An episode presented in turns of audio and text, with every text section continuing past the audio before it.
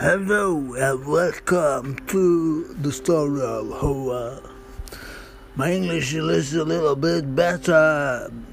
During the days I was in Mexico trading for cocaine, but now I'm back. You don't know my name yet, but I will follow you through the episode. Going to tell you a little bit today about the story, the impact Hoa has had on the different food traditions. So this story is called Fua and Food. No, it's called Hoa and Food.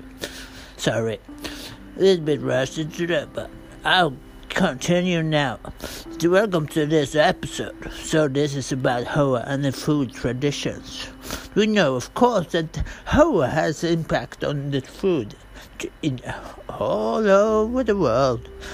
You know, the hamburger come came from directly from Hoa's uh, long song, ham, ham, ham, ham, hamburger bugga bugga bugga hum bugga bugga hum bugga bugga.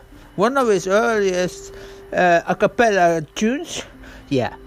So he set a punctum there. For that, we only tell you one more thing about the, the food traditions. You know hexagrita, lamb steak, rib, lutefisk, rackfisk, dörfisk, torskfisk, bunfisk, sandfish, cod, kid, sift, sill, herring, spit, and saggle is all connected to, hers. Yeah. Sorry, just had to. So much spit coming into my mouth when I talk about all this good, delicious food. So, we have an exclusive today a little report from the bush, from the campfire, from the African night, from our correspondent in Chad, Mr. Bungalow. Here it is.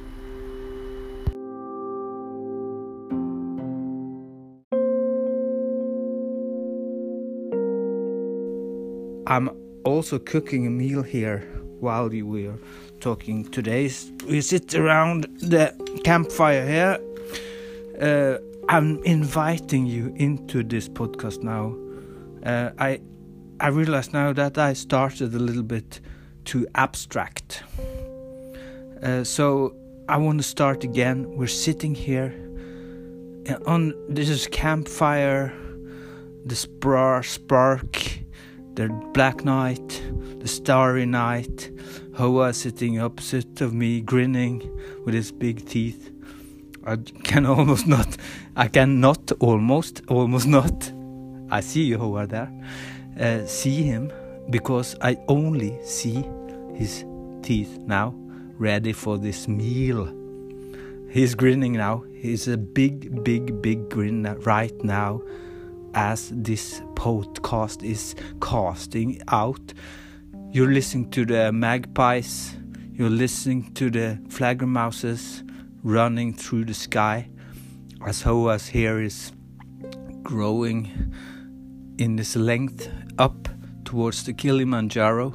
Now we see his head, we see his eyes, we see his uh, capil- capillaries inside his the white in his eyes but we don't see anymore behind him because he sits there and the and the and the and the sparking fire is, is is smoking and now this is the tradition.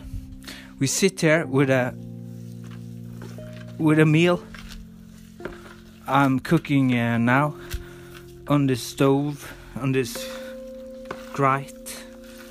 Uh, it's um, it's uh, made of uh, fat.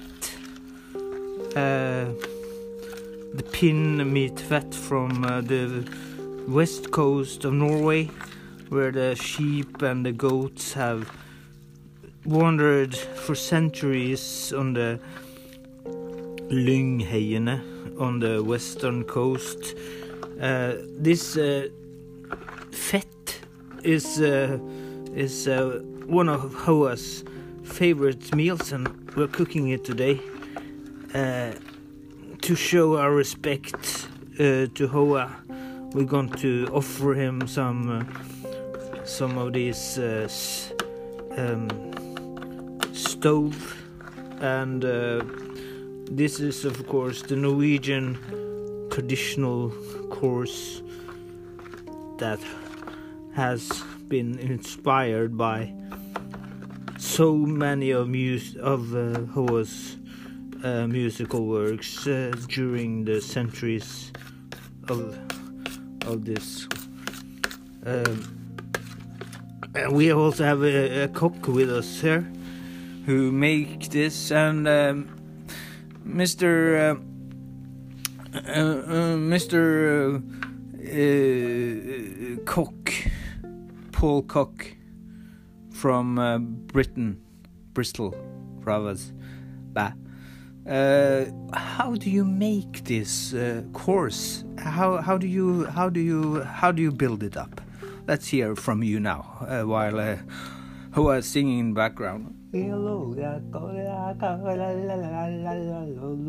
Yeah, oh, I usually use a flask, but I usually use a different stick from this one. Uh, I use spaghetti to build up a background from the front, and then I.